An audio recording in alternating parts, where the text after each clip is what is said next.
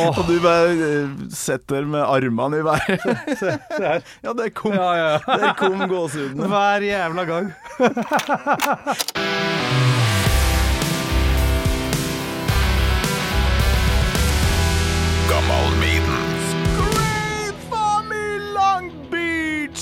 Live After Death fyller 35 år, kom ut 14. oktober 1985. Det her skal feires med ja, nok en gang rockorakel Espen Nørvåg Slappgård eh, på besøk. Scream for me Long Beach og Hammer Smith. Her er Espen. Gammal Maiden. Med Torkil Thorsvik. Ja, det er bare å si hipp, hipp, hipp hurra igjen. Espen Nørvåg Slappgård, velkommen hit. Takk, takk, takk. Til Gammal Maiden for tredje gang, blir det for deg? Det er det, altså. Ja, dem som ikke vet hvem Espen er, sjekk ut episoden med Wasted Years. Og der vi prater mye om eh, livet ditt og, og alle de tingene som eh, tar ganske lang tid. Og, og det har vi ikke tida til nå, for det, vi skal snakke om noe annet som tar tid. Ja. Fy flate. 35 år siden Live After Death. Verdens beste livealbum, eller? Og den er høyt der oppe, altså. Gud bedre, og definitivt et av de viktigste livealbumene for både min del og for uh, hardrock og metal generelt, altså. Mm, ja. Det som er litt artigere, jeg og du har jo en eh, fast spalte på Radio Rock på ettermiddagene som heter Ukas kassett, det vi snakker om 80-tallet. Uh, og det her er jo en kassett vi bør snakke om snart, Espen. Helt klart. Men greia er at jeg To, faktisk. ja, hadde aldri, hadde aldri kassetten. Hadde kun VHS-en av Live After Death. Så når jeg snakker i dag om det her eh, 35 år gamle albumet, skråstrek videoen, så er det VHS-en jeg snakker om. Mens du Jeg snakker om eh, kassetten. Ja, du, Rett og slett. Jeg snakker om dobbeltkassetten som, som jeg gikk til anskaffelse av. Vi kan jo starte der. Ja, Lynkjapt innpå. For etter å ha sett Iron Maiden i Drammenshallen i 86, eh, så skjønte jeg at eh, jeg hadde visst ikke helt oversikten. Det var kult å kunne de nye låtene, men det er jo utrolig ukult å ikke kunne absolutt alt utenat. Mm. Så da gikk jeg bakpå magasinet OK, som eh, det svenske musikkmagasinet som kom en gang i måneden, og der var det alltid på hele siste sida en eh, reklame da for svenska skivklubben, som kom liksom før norske Mr. Music og alt dette her, og der hadde de jo alltid noe Maiden, så jeg gikk jo da bare rett inn knuste sparegrisen og, og gikk til anskaffelse av samtlige Maiden-kassetter.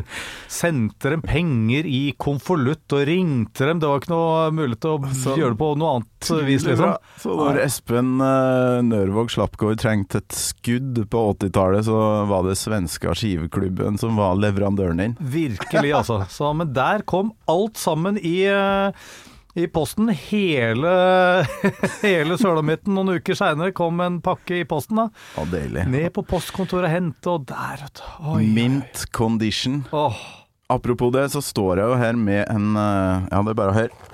Det er sånn plastikk til og med utapå den Live After Death-boksen jeg har i handa mi nå. Kan riste litt på nå.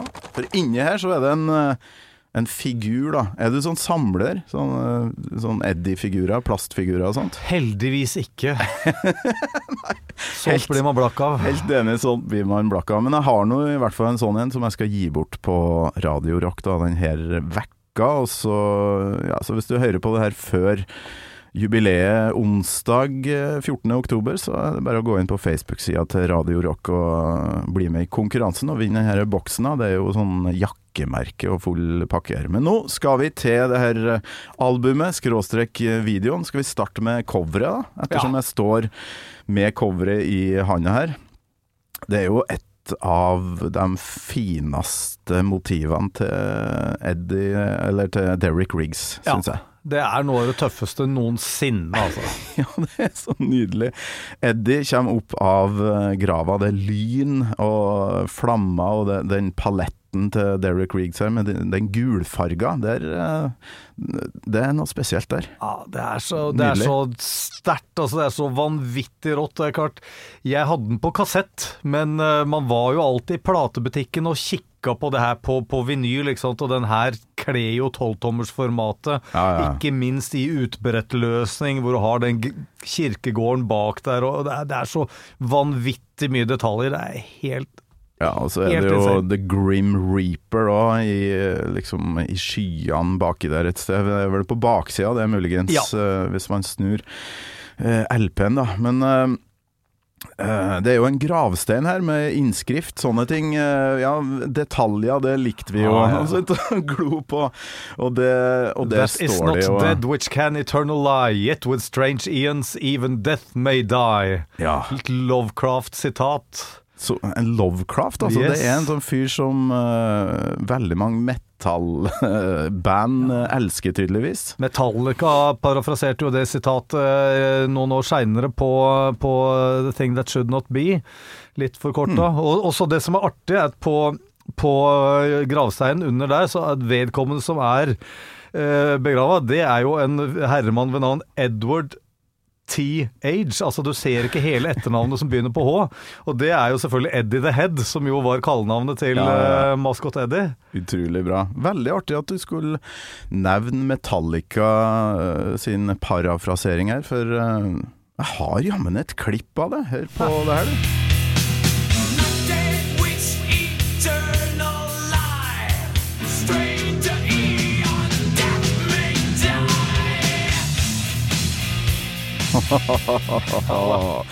Ja, det, det er jo en Maiden-podkast det her, men eh, litt Metallica. Det, de, enkelte i det bandet har jo vært gigafans av Maiden, har jeg skjønt. Ja, lite grann.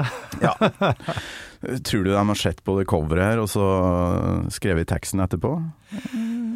Om de oppdaga dette her via Maiden, eller om de eh, Altså, Lovecraft og Tulu har jo betydd mye for en del metallfolk som har skrevet mystiske tekster, mystiske ja. og mørke tekster generelt. Ikke veit jeg, og ikke bryr jeg meg heller.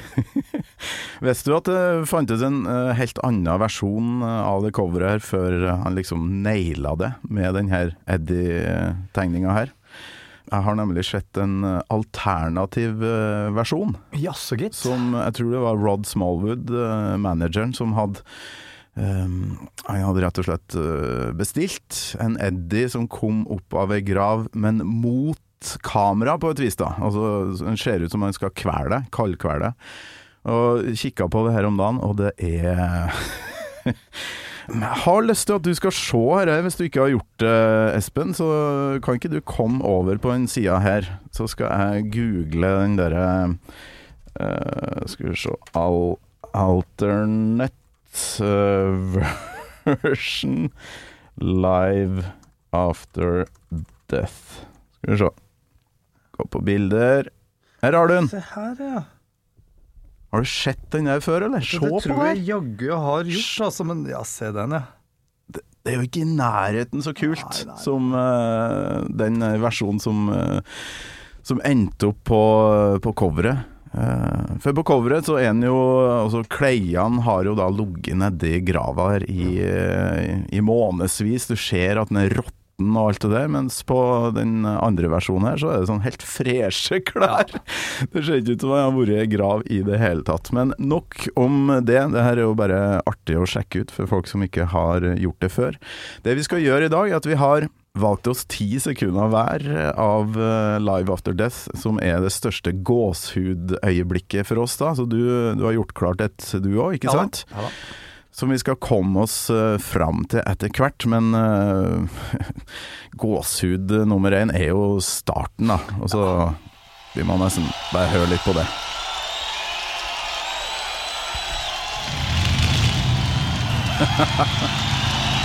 Klassisk. Ja, det er jo en Spitfire-motor, det her. Det er det. Ekte saker. Så det bare sjøl. We shall fight in France. We shall fight on the seas and oceans.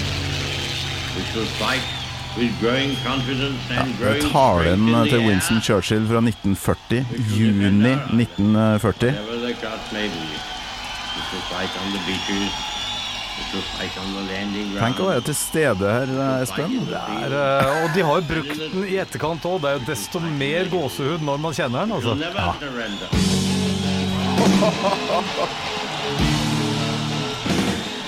Ah, jeg vet ikke hvor mange ganger jeg har sittet da i Jeg hadde en rød saccosekk på tidlig 90-tall. ja, det hadde vi alle. Ja, du har Satt i den og så på det her og drømt meg inn i en sånn eh, konsertopplevelse, for det hadde jeg jo aldri hatt, og trodde ikke jeg kom til å få det heller, oppe i Nord-Trøndelag der. Mens du var altså på Maiden i 86. Ja. Så når du da satt og hørte på det her, eh, kassetten din på, på 80-tallet, hvordan opplevde du Live After Death? Nei, Husker ikke du det? sant? Da hadde jeg som sagt allerede sett bandet live, så, så jeg kunne forbinde med det jeg hadde sett, og så høre publikum altså det er jo, Pluss at jeg hadde jo da skaffa meg hele resten av katalogen også, så det gikk jo på repeat, på repeat, på repeat.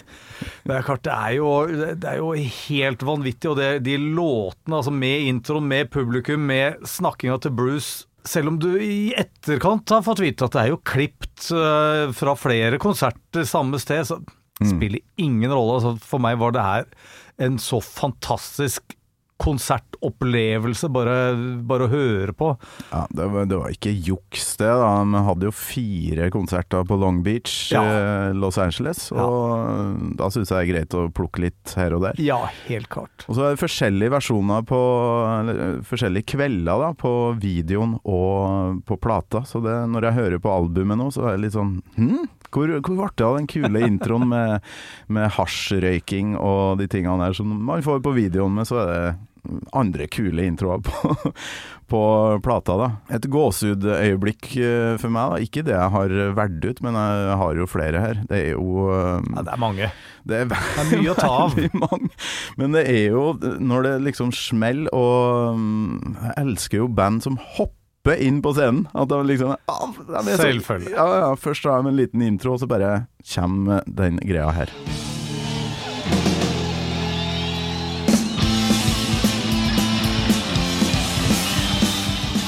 Bare ser for meg at de har stått og bare hoppa bak der og nå skal vi inn, nå skal vi inn, og så kommer de inn, og det ser ut som de har venta på det her i 1000 år.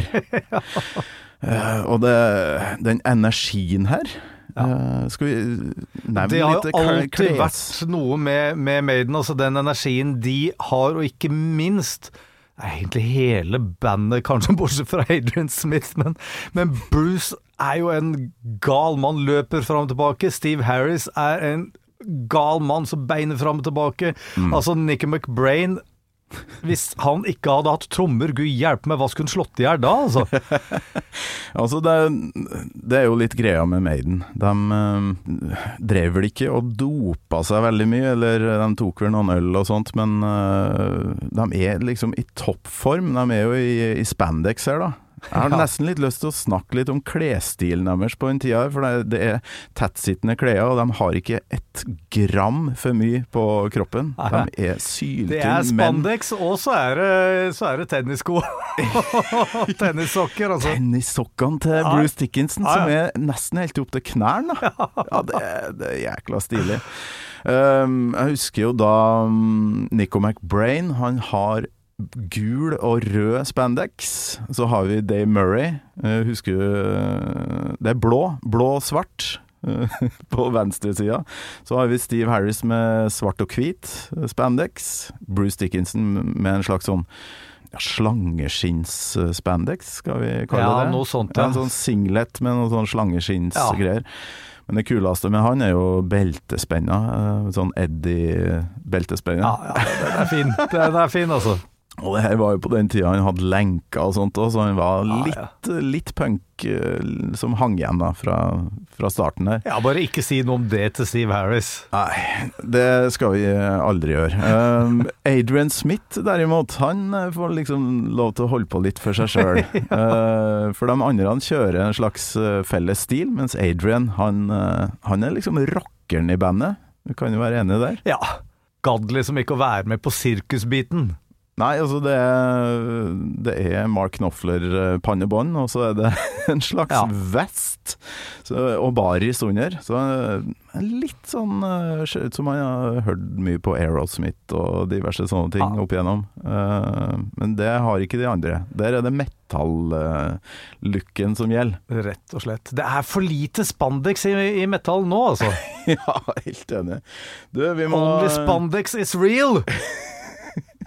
vi må komme oss nedover eh, Vi skal jo ikke snakke om hver låt Nei, det, fra det, da hadde vi blitt sittende her. Det, Ja, ja, ja. Det, to timer blir i lengste laget for en Det her blir en men- eh, enkel nostalgirunde gjennom eh, Live After Death, og da er det Two Minutes to Midnight som er nummer to her. Roer det på et vis litt ned etter den eksplosive Aces High-åpninga. Alt blir å roe ned etter Aces High, altså.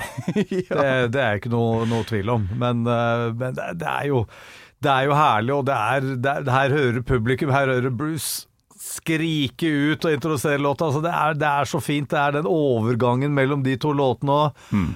Åh, Og så kommer eh, The Trooper. Ja. Og så Måten de eh, leverer på live her, var jo det som fikk meg til å tenke at eh, det her er verdens beste band, for de er eh, Ja, de er jo spreke, da.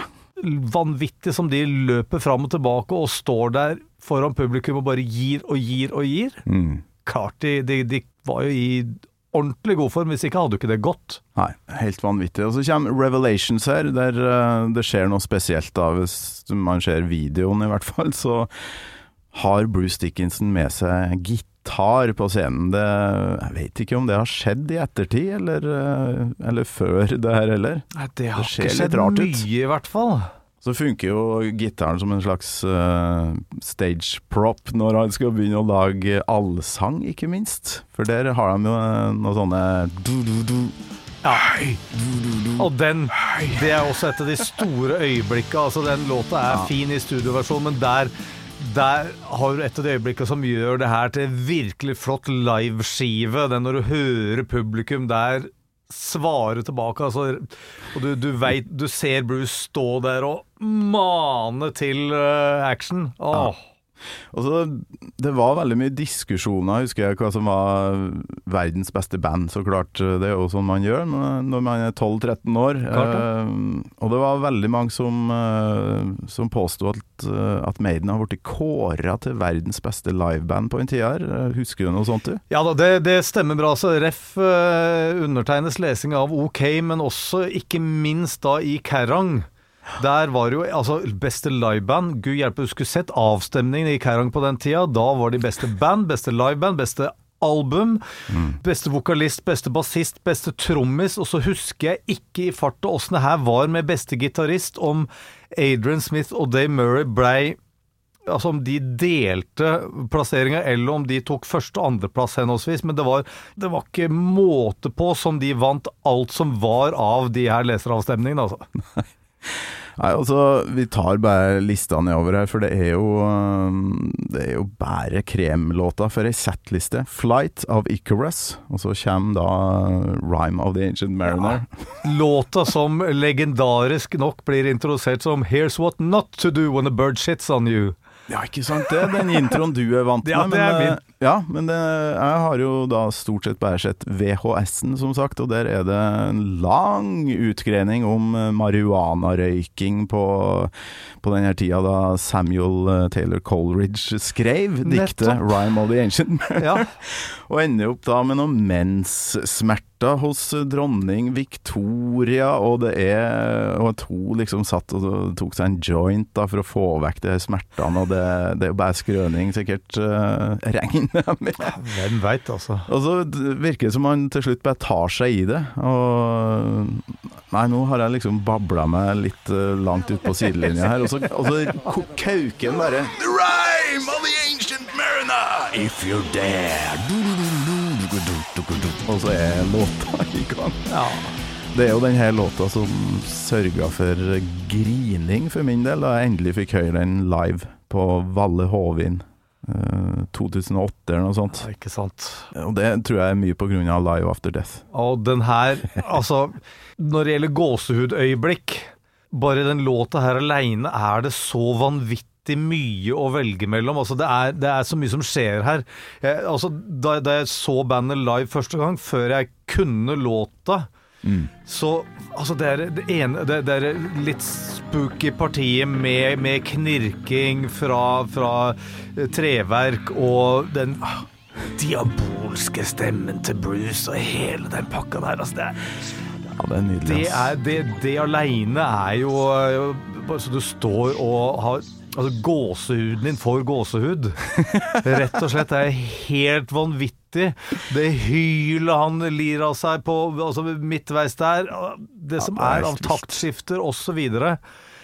Og det er visuelt òg, for meg som har sett videoen daglig i et par år i 13-14-årsalderen, så, så er det et Det blir liksom ikke kjedelig. De senker lysriggen sånn at den nesten kommer ned til, til hodet på Steve Harris, der han står og spiller det herre ding, ding, ding, Ja. ding, ding, ding, ding, og det er så nydelig.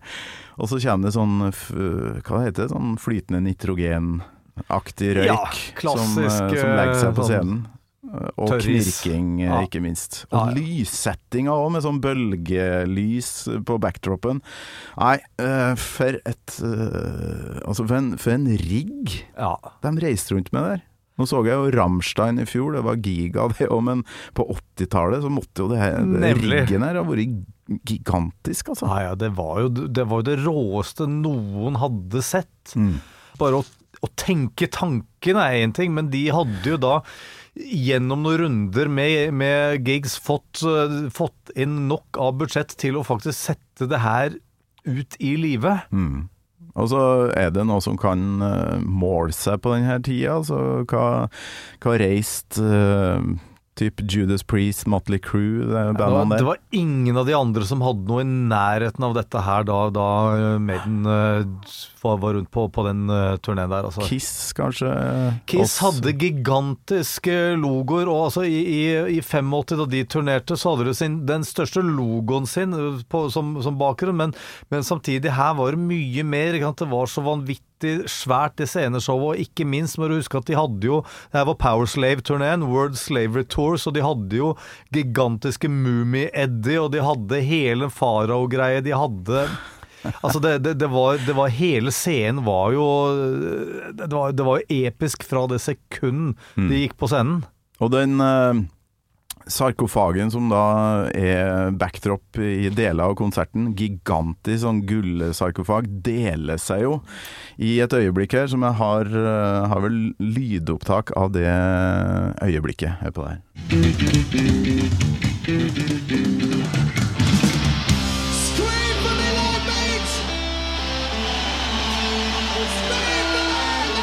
Ha ha ha Lord Altså bare Scream for me Long Beach, da. Altså det er bare hør det her. Ja. Gir gåsehud. Den åpner seg, så kommer jo da en helsikes eh, svær Eddie-mumie fram der. Og da har jeg hørt rykter om at det står eh, noen sånne scenearbeidere bak der og liksom manuelt uh, riste på den herre oppblåsbare, eller hva farsken er. Og. Eddie skal være litt klønete, og har jo vært Ja. det uansett hva de har drevet med. Altså På turneen etter var det en uh, litt sånn uh, cyborg-Eddie på turneene før. Altså Da det starta, så var det jo bare et hode, ikke sant. Og, det, og så utvider det seg til å være en roadie i noe eh, drakt med en gigantisk maske. Altså det er jo alltid vært noe litt keitete og klønete over den eh, Eddien de har hatt på scenen, men det har vært litt av hele greia. Altså det, det har vært Mm. Og det er jo på sånn det skal være. Det er på neste låta her, 'Powerslave', som kommer rett etter eh, Rhyme of the Ancient Mariner, der um, den vandrende Eddien kommer inn. Eller han, han sprenger jo nesten. Det, jeg jeg forsto ikke hvordan det var mulig, for han er dobbelt så høy som eh, Bruce Dickinson, og enda så er han veldig sånn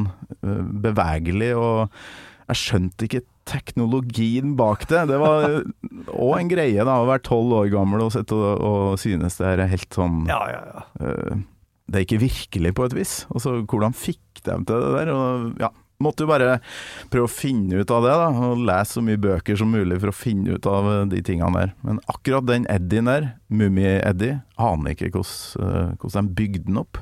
Den har noen bevegelser som bare ser helt rå ut, altså.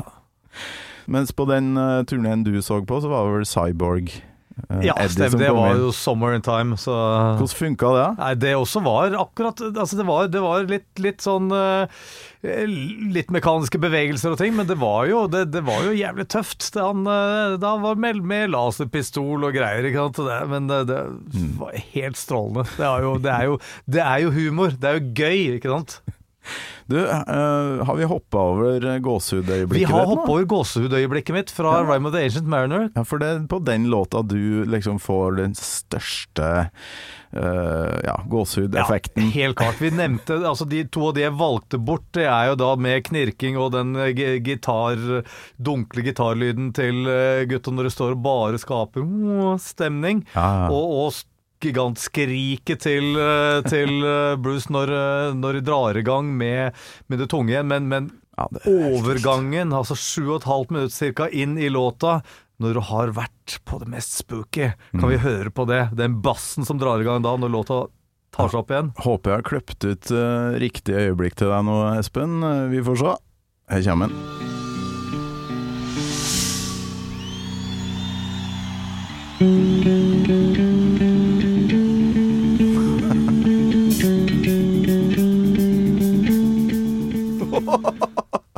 Og du bare eh, setter med armene i været. ja, der kom, Ja, ja. der kom gåsehudene. Hver jævla gang. Hva er det med det øyeblikket her, da? Nei, det er jo akkurat du, det, det har vært så vanvittig spooky, men det, når, det Nei, jeg veit ikke. Det er, det er noe mer det er, altså, da, da snur låta. Det er mm. Steve redder oss. Ja, for det, det er han som kommer inn der, og så Hele Rhyme of the Ancient Mariner-greia er jo så bra. Det er en sånn forbannelse og en albatross, og det er så mystisk. Jeg Ja, ja. det jo ikke. Nei, det, det gjorde man ikke. Jeg skrev på et eller annet tidspunkt en særoppgave om, eh, om det diktet, som jo er eh, langt som ei lita bok da jeg gikk på ungdomsskolen. Men eh, derfra til å påstå at jeg egentlig forsto det, det er å dra det litt langt. Men det er jo en vanvittig story med Massevis av det død og fordervelse og ånder og demoner og Det er jo så metal som det fikk blitt på 1700-tallet. Jeg mener det er da den ble skrevet. Åh, ja, så kommer Powerslave, som sagt. Number of the Beast. Hallowed be thy name. Og da kommer vi til mitt gåsehudøyeblikk. Eh, Kjekt å bare få kjørt med gåsehud nå. Ja, ja. For nå er det like før jeg har eh, ståpels, eh, før jeg har satt i gang Hallowed be thy name. Jeg bare setter i gang lydopptaket, så skal du få høre hvor hen vi er i låta.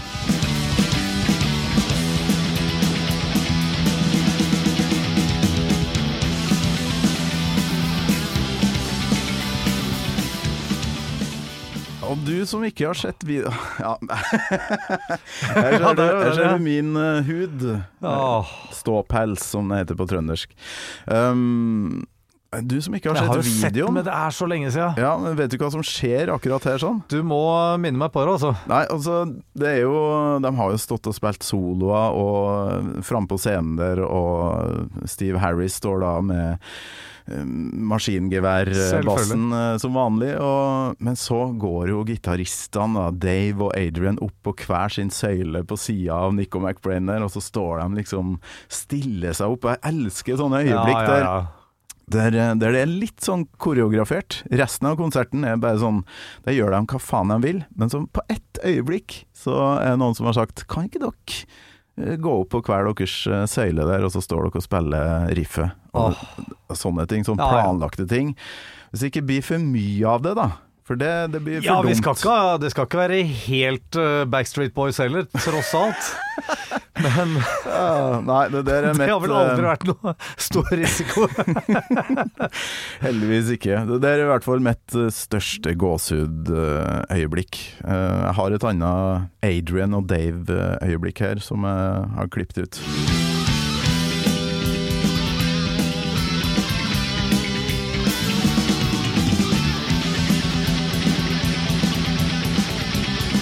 Åh, det her handler jo om videoen, for uh, det, de står jo som regel på hver sin side av scenen her, men her er de da samla.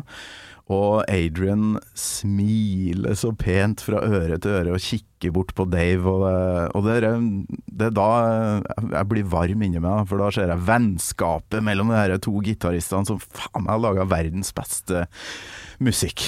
Ja, ja, virkelig, altså. De utfyller hverandre på en helt nydelig måte. Ja, ja, ja. Helt klart. Helt klart.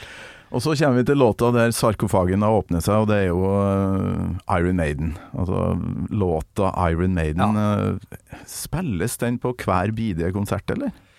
Ja, den er vel en av de få som uh, ikke har blitt uh, fjerna i noe særlig grad. Ja, det har sikkert tror- vært noen få runder hvor de ikke har tatt den med, men eh, det er ikke mange, altså. Nei, det er et eller annet med den uh, 'Scream for me', ikke sant. Det er, det, du må nesten ha den med på slutten av settet, men uh, det er litt sånn trist når den kommer, for da vet du at det nærmer seg slutten. Det er litt sånn. Jo da, jo da, men uh, når du avslutter med den låta her, det er umulig å ikke stå og glise. Likevel, altså. Jeg vet, jeg vet. Og her nærmer jo da konserten eh, seg slutten. Det er 'Run to the Hills', som eh, kanskje litt sånn slapp eh, versjon av 'Run to the Hills', syns jeg, da, på Live After Death. Hvis jeg skal si én negativ ting om, eh, om denne eh, videoen, eller albumet, da. Ja, for det, det er klart der igjen, eh, det kommer helt an på hva slags perspektiv man har på det. I dag så kan det hende at du tenker sånn, men jeg tenkte faen ikke at noe var slapt på den eh, versjonen der da jeg oppdaga den skiva her, altså. Og det samme kan man jo si. Altså er det ei låt jeg i dag kanskje kan eh, spare meg litt for i den utdratte versjonen, så er det jo neste, det er jo 'Running Free'. Ja. For nå lengter jeg etter å se bandet gjøre den live i en tre minutter lang versjon uten at publikum er med på noe som helst av skriking og hylling. Du mener uten uh, de greiene her?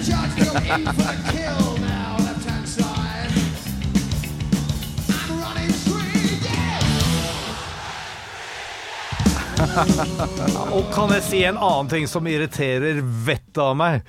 Det er at i lå på låta så skal det være 'I'm running free, yeah', 'I'm running free'. Og så synger publikum det yeah etterpå. Det det. plager meg den dag i dag. Ja, det har jeg gjort hele veien, altså. Ja, men Greit nok. Amerikanere, ikke sant. Åh, hva skal man si? Men, men samtidig, da man først hørte dette her, så var det jo en, altså den studien i publikums Uh, det, det, det, det er klart det er, det er jo helt Det er jo akkurat sånn det skal være. Altså, det er jo begrensa hvor mye man får ut av akkurat den samme greia der gjentatte ganger, men det er jo akkurat sånn det skal være første gang du hører bandet, eller ser eller hører bandet live. Ja, ja. Absolutt. Og den jobben eh, Bruce gjør her, veldig sånn sjølsikker eh, frontmann. Går fra venstre til høyre, lager litt krig mellom de to. Ja, ja. Og ikke minst krig mot eh, de tre andre kveldene i Los Angeles. Ikke Yes. sant? Ja, det var bedre i går, nå må dere få opp lydnivået her. Ikke sant? Det er helt fantastisk bra tidlig ut på den fronten der. Ja, ja, og, og på, på albumversjonen der sier han jo at han vil det, Hans største ønske er å komme tilbake til England og dra til, til hørselslegen sin, my ear doctor, og si 'Long Beach fucked up my hearing'. Stemmer det. Stemmer det. Det tror jeg hun ser på video nå, så det var kanskje en fast Det greie. kan det nok ha vært, altså. Det er jo klassisk det at man spiller Norge opp mot Sverige, USA opp mot uh, Europa. Altså, det, det, det hører med. Og da er det jo sånn at uh, Da er din reise over. Nei, siste reisa på Eller siste låta på VHS-en er 'Sanctuary'. Ja, der ser du. Den er jo ikke med på skiva, vet du. Nei. Men den kom på en sånn øh, bonusdisk i 95, leste jeg. Som jeg ikke har. Så, så den er med på noen bonusgreier. Men du øh, er altså ikke vant med å ha 'Sanctuary' til slutt på Nei, Live After Death. For min del så fortsetter reisen her, og her kommer jo en annen del av magien for min del. For du hadde jo på albumet så hadde du tre sider med Long Beach og én side med Hammersmith. Og det var også noe av det jeg syns var veldig, veldig kult med dette her. For det var, også, var vel også fire kvelder i, på Hammersmith de, de spilte, og eh, etter å ha vært Altså, man har jo vært på konserter der. Kan ikke se for meg hvor helt fantastisk det måtte vært å se Iron Maiden på den scenen der. Altså, gud hjelpes. Nei, når, jeg, når jeg skjønte at det fantes mer, da, så, ja, så eksploderte jo hodet mitt. For da fant jeg ut at Phantom of the Opera fantes live fra denne epoken, og det er jo noe av det råeste som er spilt på en scene, tror jeg. Altså Aller først så er jo Rathchild. Ja. Og det er jo en av de tøffeste låtene bandet noensinne har eh, gjort. Og, og det er klart, den, den kler Bruce minst like bra som den kledde Paul Diano. Den låta sitter som et skudd. Og det er, det er noe også For meg så var jo det en del av det her, som sagt, med den ekstreme, den over the top-greia 'Scream for me, Long Beach!' og så er det den litt mer neddempa inn med bassen, og, og det er det er mye kulere de er hjemme igjen. De er blant sine egne folk. Og etter så mye 'Scream for me', så underveis i en av låtene, så, så eh, klarer da eh, Bruce å melde 'Speak to me, Hammersmith'. Ok. Det syns jeg bare var så ekstra tøft.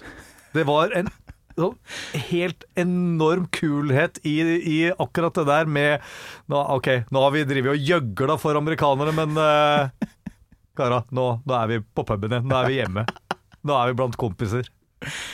For det her, her er det litt annerledes uh, lyd, da, ettersom det er Hammersmith eh, versus uh, Long Beach Arena. Ja, Long Beach Arena og altså, jeg vet ikke hvor mange tusen som var der. Hammersmith Tavel Er det 3000 eller noe sånt?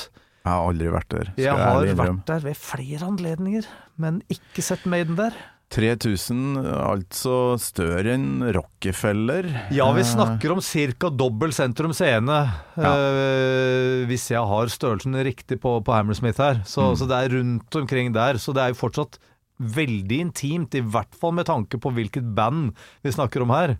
Ja, men eh, perfekt eh, lokale for eh, liveopptak. Ja, virkelig, altså. Den derre mm, tette stemninga som er fra publikum der, er jo fantastisk å høre på. Ai, ai, ai. Energiske saker. Og så til de grader, altså. Så, så her starter vi med Ratchild, og så er det number 22, Acacia Avenue. Ja, ikke sant? Det er jo da et par- par-tre år etter eh, Number of the Beast, så de eh, har fremdeles med en del låter som ikke ble med videre her, da. Altså Children of the Damned kommer her. den er jo neste, og det er jo en mine, ja, helt klart. Det er en av mine favorittlåter med Maiden ever. Mm. Det, det nå er såpass laidback og så nede så, så, er så flott og melodisk, og, og du føler nesten at det her hadde kanskje ikke Jeg tenkte i hvert fall de bare "Ah, Det her er for hjemmepublikummet. Det her ble, ble litt for avslappa for amerikanerne. Antagelig så spilte de det jo. Selvf selvfølgelig spilte de det på hele turneen, men Mm. det var ikke sånn man tenkte da, altså. Hva er neste? Det er Die With Your Boots On. Det er ikke den beste Iron Maiden-låta ever, men den, eh, den sitter som et skudd live, altså. Det er ikke noe tvil om i det hele tatt. Og så Det er jo avslutninga som er Der har vi den, vet du. rosin. Gud hjelpes, altså. Phantom of the Opera.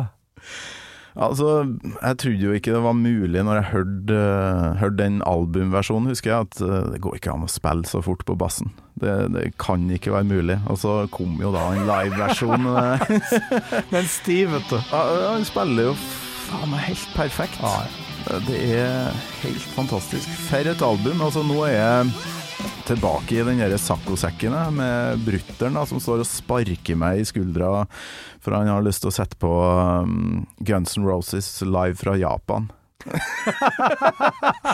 det, eller Tokyo, da. Ja, Japan. Det, det var en sånn fast krangel etter skolen. Kom seg hjem først, og, og få da herredømme Ja, altså få bestemme over VHS-spilleren. jo, jo. Vi- vi Det kunne vært atskillig verre krangler, da. Jo da. Vi hadde jo ingenting. Vi hadde jo Live After Death og den Guns N' Roses-greia. og så var det vel en, ja, en VHS med noe Red Hot Chili Peppers-greier.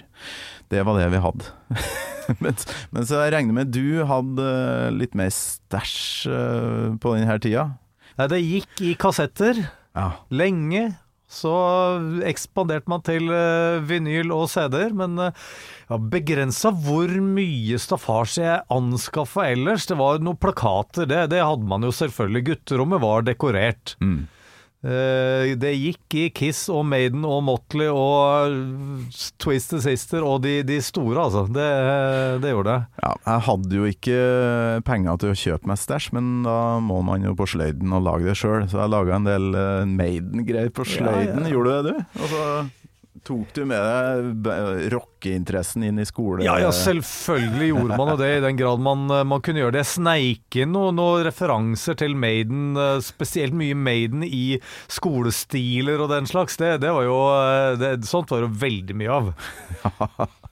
Nei, det var tider, altså. Så nå må jeg dessverre opp av saccosekken og slå av den VHS-spilleren, kanskje. Vi må jo skåle for det her albumet, Espen. Har du en eh, kaffekopp der? Se der, ja. Så håper jeg du eh, går inn og deltar på um, konkurransen på Facebook-sida til Radio Rock, eh, hvis du ikke har den her, da. Har du den? Nei, jeg har ikke den versjonen der, så jeg tror jaggu jeg må delta i en konkurranse sjøl, altså. det Hadde tatt seg ut om jeg tok den foran nesa på alle andre. Tusen takk for at du tok deg tida igjen, Espen. Up the irons! Up the irons. Gammal Maiden med Torkel Thorsvik. En podkast fra Radio Rock.